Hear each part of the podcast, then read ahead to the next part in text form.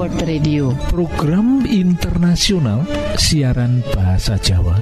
Lan kagiaraken langsung saking pulau kuat Poros derek ing wektu sing apik iki bakal maparake tiga program yoiku siji ruang motivasi lan rumah tangga. Loro ruang kesehatan. Lan telu ruang firman Allah.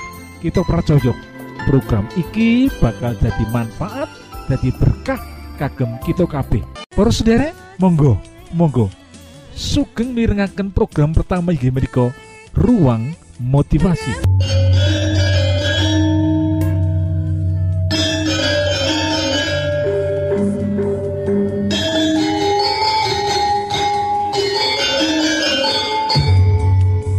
Judul motivasi kita ing waktu iki yaiku ciri ketiga wong sing tahan banting utawa wong sing kokoh. Lah ciri pribadi sing kokoh yang pertama sing kita wis pelajari yaiku wong sing bisa bertanggung jawab atas pilihannya, atas hidupnya lan pribadi sing kaya ngene iki dilatih lan dibentuk di tengah-tengah keluarga sejak anak-anak masih kecil dening wong tuane. Lah ciri sing keloro sing wis kita pelajari tentang pribadi sing kokoh, pribadi sing tahan banting yaiku wong sing wani trimo kenyataan hidup apa pun sing terjadi loh. Tanpa banyak mengeluh, tanpa banyak menggerutu. Lan dengan berusaha sekuat tenaga dan bersyukur atas apa yang dia hadapi lan pribadi sing kaya ngene iki dibentuk oleh lingkungan atau produk lingkungan yaitu lingkungan keluarga dan bukan bawaan lahir lah sing ciri ketiga sing kita badhe pelajari yaiku Orang yang tahan banting, orang yang kokoh iku adalah orang yang positif dan orang yang humoris. Ini kau sendiri. Orang yang tahan banting adalah wong sing bisa melihat hal-hal positif dan bisa menemukan sesuatu yang lucu dari situasi seburuk apa pun sing lagi dheweke hadapi persendiri. Lah soali e lo, soali e sebaliknya lo. Wong sing orang tahan banting yaitu orang yang tidak atau sukar menerima kenyataan hidup. Lan cepet cepet mengeluh lan menggerutu. Dheweke ngerti banget loh, di tengah situasi sing buruk isih ono hal-hal yang baik. Lah menika, ini pribadi yang positif loh. Pribadi yang positif, pribadi yang humoris itu dia mengerti sekali ing tengah-tengah ing situasi seburuk apa pun isih ono hal-hal yang baik Mula saka iku ia tetap bersyukur marang sang pencipta dan ia pun lebih sanggup atau lebih disanggupkan menghadapi situasi yang buruk, situasi sing sulit yang lagi mereka hadapi. Mereka para sendiri.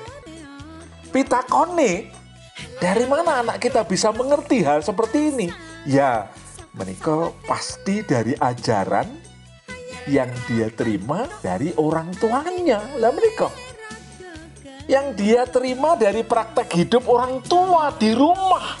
Yang diterima oleh putra putri ini pun poros sendiri orang tua sing positif lan humoris bakal menolong anak untuk bisa lebih menjadi pribadi positif lan humoris daripada anak melihat orang tuanya yang suka menggerutu dan berpandangan negatif lah sebaliknya orang yang tidak tangguh dan tahan banting adalah orang iso melihat hal-hal yang positif, tidak bisa melihat dari kesulitan, dari problema, dari masalah ingkang nembe dipun adepi. Lah menikah.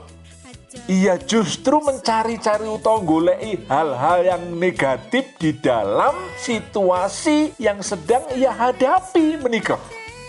Amargo soko iku piyambakipun tidak dapat menemukan hal-hal yang positif. Boten sakit menemukan hal-hal sing lucu. Hal-hal yang menyenangkan dari kesulitan-kesulitan ingkang nembe dipun adepi para sendiri.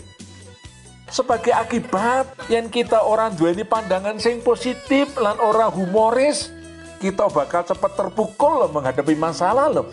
Kita cepat tersiksa, tambah sedih, tambah menderita. Dari hari ke sehari, makin tertekan lan murung lan sedih. Lah menikah. Sikap koyong ini iki membuat dheweke dadi lemah lan apatis lan pada akhirnya iya berhenti mencoba dan berharap para sederek.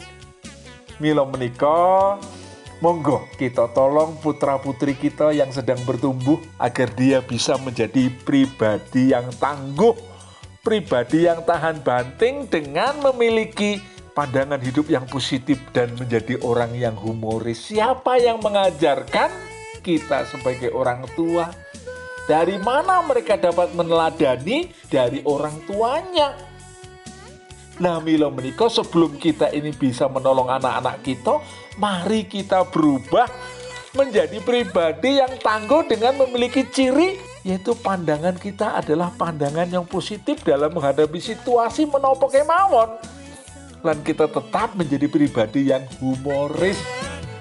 Gusti berkahi.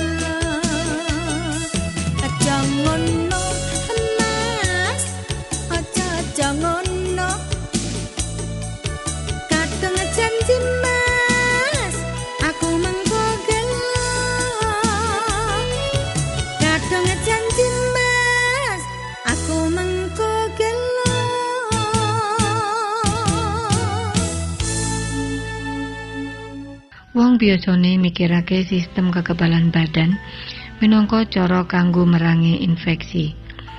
Senajan dudu iku fungsine sing utama, babiku jelas arupa fungsine sing paling penting. Apa sing dimaksud karo infeksi? Yen kita persani secara sederhana, infeksi yaiku invasi bagian ketentu ing badan dening organisme nular. Yen ngono apa iku organisme nular? Ing dasare ana patang tipe organisme nular. Bakteri, virus, jamur lan parasit. Padha mampu dhewe-dhewe ngleboni tubuh, ngrembaka dadi akeh dhewe lan nyebabake infeksi. Sawetara organisme sing nular kaya sing nyebabake TBC, sifilis, walking pneumonia lan Rocky Mountain spotted fever ora kalebu ing golongan mau nanging umume kalebu ing kategori bakteri. Bakteri arupa organisme urip paling cilik sing bisa mangan tuku lan ngandelake awake dhewe. Yen diteleng ing sangisore mikroskop sing paling kuat, bakteri iku isih katon cilik. Sawetara ing antarane ana sing bentuke bunder, kaya bal cilik lan disebut kokus. Liyane bentuke kaya potlot cilik lan disebut basil utawa batang. Sawetara kokus mlaku papasan bentuk rantai lan grombol. Sawetara ana sing basil ketarik dadi dawa lan tipis utawa gelombang. Ana sing duwe buntut cilik sing bisa bantu nglangi. Ana sing duwe wulu-wulu utawa kaya driji sing bantu bisa nempel ing dhuwur. Ana sing diubengi simpai lan nglindungi sawetara ing antarane nyedot oksigen sing liyane ora. Nanging mengkono kabeh bakteri duwe bab sing padha, yaiku kabeh ngandung bahan sing diperlokake kanggo mangan.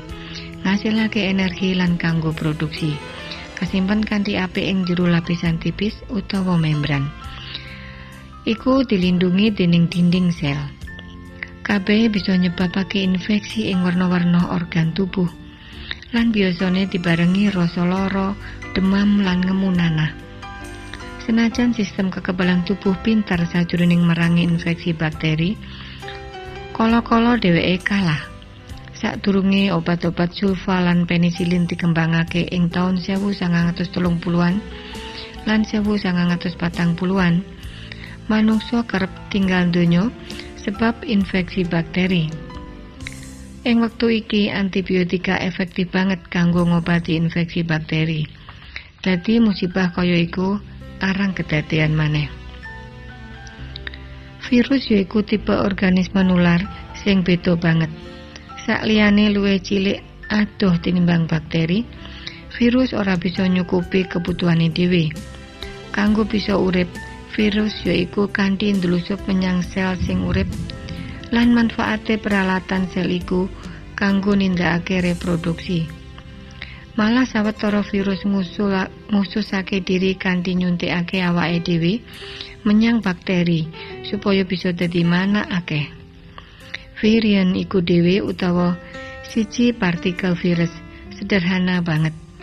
Dhewe iku mung saka sepotong bahan genetik kaya DNA utawa RNA diubengi dening kulit isosahedral. Helikal utawa bentuke rumit. DNA iku molekul sing rumit banget sing esap sing ing saben badan lan tanggung jawab gawe kita lan organisme seluler kaya apa sing lagi kedadian ing badan kita wektu iku. Yaiku kode sing nentokake sakabehing wiwit saka werna rambut nganti bolongane kuping kita. RNA yaiku singkatan saka ribonucleic acid lan member karo DNA. Nanging luwih sederhana. Sawise ana ing jero sel sing urip, sawijining virus mrotes sel sebagai milike dhewe. Lan migunakake kanggo manakake dirine. Virion anyar nyebar kanggo nyusup sel-sel liya lan infeksi uga dadi nyebar. Supaya situasine luwih ala maneh, antibiotika sing efektif banget marang bakteri jebul babar pisan ora ana gunane nglawan virus. Agen-agen antiviral pancen ana kanggo merangi sawetara virus katentu. Nanging pengobatan kanggo virus sing luwih serius kaya polio, hepatitis B lan campak umume pusate ing pencegahan liwat vaksinasi.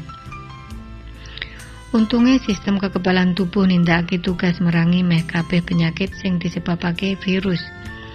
Sing kita rasakake sakjuwene urip kanthi becik. Kabeh wong mesti kenal jamur cendawan lan ragi. Iku contoh-contoh saka jamur utawa fungi. Panjenengan bisa nganggep fungsi sebagai bentuk urip sing rada paju ketimbang bakteri, nanging ora semaju tanduran. Mung sawetara fungi sing ngrugikake manungsa. Malah yen nganti kedadian kondisine umum ringan. Kaya penyakit kadas, kutu air, infeksi jamur lan tiap dia prasras. Kala-kala senajan arang banget infeksi jamur bisa gawe patine wong.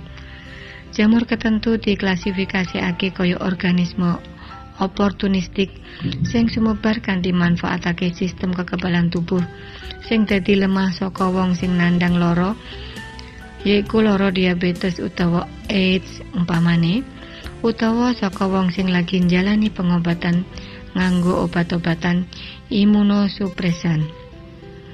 Salah siji jamur kaya iku sing kala-kala katon marang wong sing lara diabetes utawa kencing manis lan bisa mangan wajah lan otake wong mung ing sawetara dina nyebabake wuta, koma lan kematian. Mung operasi darurat kanggo mbuang kabeh jaringan sing ana penyakite. Sing bisa mbantu otak lan sungsum balung burine wong sing lara AIDS kerep demonstrasikake kepiye sistem kekebalan tubuh sing keancam bisa nindakake penghancuran? Parasit yaiku organisme sing ngembang mangan lan lindung ing jero organisme liya tanpa menehi balasan apa-apa. Ukurane macem-macem wiwit amuba sing kudu diperiksa ing sangisore mikroskop nganti cacing pita sing dewani luwih telung puluh kaki mayoritas saka penyakit parasit kaya malaria lan sistosomiasis iku ana ing negara-negara berkembang lan kejangkit sebab mangan panganan sing wis kecemar utawa sing kemasak kanthi kurang becik. Akeh-akeh bisa diarahke nganggo obat anti parasit sing tepat. Sakliyane narketake organisme nular, sistem kekebalan tubuh uga merangi sel-sel kanker. Kanker bisa dadi nalika sawijining sel ing badan dadi abnormal. Nikel tekokake dirine tanpa bisa dikendali lan nguasani kabeh organ utawa malah seawak kujur. Nanging kala-kala kanker ngembang biak cepet banget. Dadi sistem kekebalan tubuh ketinggalan. Lan akeh wong akhire kalah karo penyakit iku senajan pengobatan kanker wis cukup maju.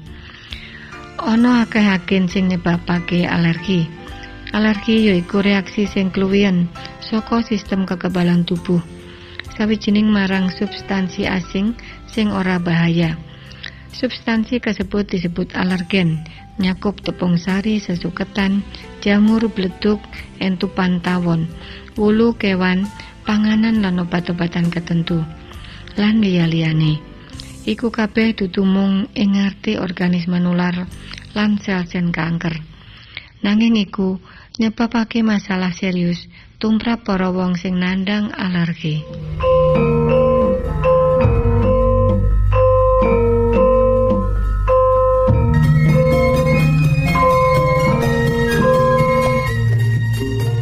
Angkatlah dan bunyikanlah Isa mau datang lagi. Nyanyi musafir dan pujikanlah. Isa mau datang lagi. EWA utawa AWR Adventist World Radio program internasional ing Boso Jowo disiharke langsung soko pulau Guam ing satengah-tengahing Samudro Pasifik. Poros derek ing wektu sing apik iki monggo kita siapkan hati kita kangge mirengaken firman Allah. Datang lagi datang lagi Isa mau datang lagi Para sendiri kathah tiang sakit ingkang pinaringan kesarasan dening Gusti Yesus. Panguasanipun Gusti Allah ingkang datengaken mujizat menika tansah pinanggi wonten ing para tiang pitados ngantos dinten punika lho para sederek sepisan malih panguasanipun Gusti Allah ingkang datengaken mujizat menika boten namung kedadosan ing jaman rikala Gusti Yesus gesang ing tanah Palestina boten nanging mujizat kalau wau tansah pinanggih wonten ing gesang ipun tiang-tiang pitados ngantos dinten punika. Wonten gangsal perkawis ingkang dadosaken kelersan kados dene ingkang kapangandikaaken dening Gusti Allah? Wonten pinten para wonten gangsal perkawis. Lan gangsal perkawis kalau wau ingkang nomor setunggal nggih menika Gusti Allah piyambak ingkang paring pangandika. Bilih panjenenganipun menika dokter utawi tabib tumrap para umat kagunganipun. Menika ingkang sampun dipun pangandikaaken dening Gusti Allah. Panjenenganipun inggih menika dokter utawi tabib tumrap para umat kagunganipun. Panjenenganipun ugi boten ewah gingsir. Wiwit rumiyin lan milo panjenenganipun ugi boten ewah gingsir. Wiwit rumiyin lan dumugi salami laminipun menika ingkang kasebat dening kitab Maliaki bab 3 ayat ingkang kaping 6 Gusti Allah tabib. Gusti Allah menika dokter di atas segala dokter Milo sendiri kita kecah gesang caket kalian Gusti Allah menawi panjenengan merloaken kesarasan. Saking sakit penyakit saking problema hidup saking masalah-masalah kehidupan menawi panjenengan pengin gadai pagesangan dengan sehat lahir kalian batin. Panjenengan kecah rawuh wonten ing ngarsanipun Gusti ingkang kasebat Gusti inggih menika dokter di atas segala dokter. Ingkang kaping kali inggih menika salah satu galing ayahan wigatos tumrapun Gusti Yesus punika paring kesarasan tumrap ingkang sakit mereka sendiri. Salah satu galing ayahan tugas ingkang penting tumraping Gusti Yesus nggih menika paring kesarasan tumrap ingkang sakit. Kata Bundi panjenengan sampun rawuh dumateng Gusti ing wekdal menika? Ingkang kaping 3 inggih menika para rasul lan para muridipun Gusti Yesus Kristus kautus boten namung ngabaraken Injil nanging ugi nyarasaken tiang-tiang sakit.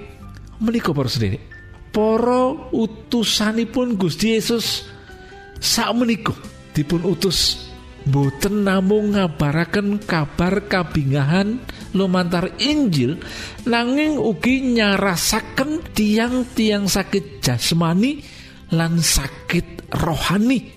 Menika tugas ingkang sampun dipun paringaken dening Gusti Yesus dumateng para murid-muridipun. Menika sakit kita waos wonten ing kitab Matius Kitab Matius bab ingkang kaping sedoso ayat pitu ngantos ayat ingkang kaping wolu. Ugi sakit kita waos wonten ing kitab Lukas bab ingkang kaping sedoso ngantos ay ayat ingkang kaping wolu ngantos ayat ingkang kaping songo. Ing wekdal menika kita badhe waos wonten ing kitab Matius bab ingkang kaping sedoso ayat ingkang kaping pitu ngantos ayat ingkang kaping wolu mekaten pangandikanipun Gusti. Wong loro padha warasno wong mati padha tangekno wong loro kusta padha marekno lan demit-demit padha tundungen kowe padha oleh panguwasa tanpa nganggo bayar opo-opo panguwasa mau iya gunakno tanpa nganggo bayaran dados muridipun Gusti menika dipun utus boten namung wartaaken Injil kabingan menika. Nanging ugi kedah nyarasaken tiang ingkang sakit ingkang nomor sekawan inggih menika mujizat. Kesarasan sampun kalampahan wonten ing pangladosan pasmuan ingkang wiwitan temah kathah tiang ingkang pitados dumateng Gusti Yesus. Sami kalian pasamuan kawitan. Saben kita ingkang pitados lan ngugemi pangandikanipun Gusti Allah badhe ngalami mujizat. Ingkang sami awet pangawasipun Gusti Yesus tetep sami ngantos dinten punika lan salami laminipun. Menika para sendiri Dados mujizat ingkang dipun damel dening Gusti Yesus ing wekdal kala rumiyin taksih dumatosan ing jaman menika. Amargi menapa? Awit pun Gusti menika tetep boten ewah ngantos sak menika. Lan alasan ingkang kaping gangsal nggih menika Gusti Allah ngyakenaken kita bilih saben tiang pitados saged nindakaken pakaryan ingkang langkung ageng kabanding ingkang sampun katindakaken.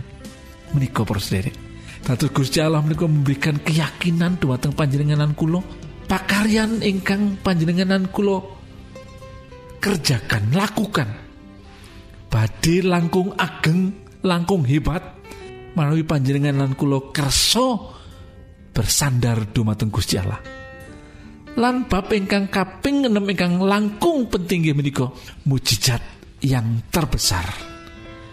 Wonten ing pagesangan kita nggih menika canes tiang sakit saras mujizat ingkang paling ageng ingkang sakit kedatusan nggih menika meratobatipun tiang dosa dumateng Gusti Allah menika presiden kata tiang-tiang gadai pamanggih ingkang klentu. Kata tiang ingkang gadai pamanggih pilih mujizat menika namung menawi sakit sakit saras. Menika mujizat nanging mujizat ingkang paling ageng canes menika lho sederek mujizat ingkang paling ageng menika meratobatipun tiang dosa. Berbalik dumateng Gusti setia dumateng Gusti menika mujizat yang terbesar menika kesehatan yang terbesar. Lan Gusti ing wekdal menika nembe makaryo lan kita saged tingali kathah tiang-tiang martobat menika mujizat yang terbesar. Para sederek pakempalan pakempalan pandungo ingkang kawontenaken dening warga tiang-tiang ingkang sedia sedaya menika badhe ngiyataken iman kita. Monggo kita ndedonga. Gusti sampun ngertos kawula katuhan pamangu-mangu. Dumateng sabdo patuko nanging Gusti kawula nyuwun supados kawula diparingi kegiatan supados kawula dipun paringi kegiatan iman lan kawula inggih saged gadai kesarasan kesarasan fisik langkung-langkung kesarasan iman lan mujizat ingkang sampun kedadosan ing jaman. Rumiyin kawula inggih yakini mujizat ingkang sami saged kedadosan ing jaman sak lan mujizat ingkang terbesar.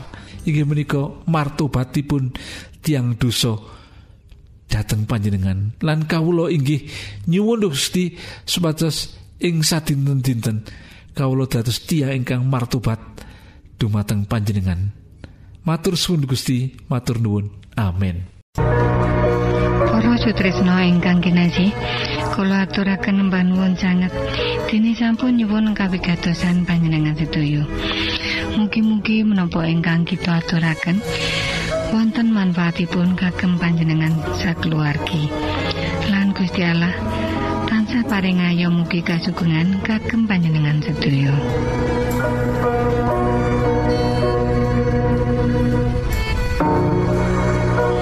Kita ingkang tugas jagi wonten studio nyungun pamit badhe mundur. Pilih wonten pitaken-pitaken utawi unjuking atur masukan-masukan lan menawi panjenengan gadah kepengingan ingkang lebet badhe sinau ba pangantikaning Gusti. Lumantar kursus Alkitab tertulis Monggo. 3 Advent suara pengharapan PO Box 00 Jakarta setunggal kali wolu setunggal 0 Indonesia panjenengan saged mlebet jejaring sosial Kawulo inggih menika Facebook pendengar radio Advent suara pengharapan utawi radio Advent suara pengharapan. Saran-saran pitaken ugi tanggapan panjenengan tansah Kawulo Tenggo. Lan saking studio kula ngaturaken bumi panuwun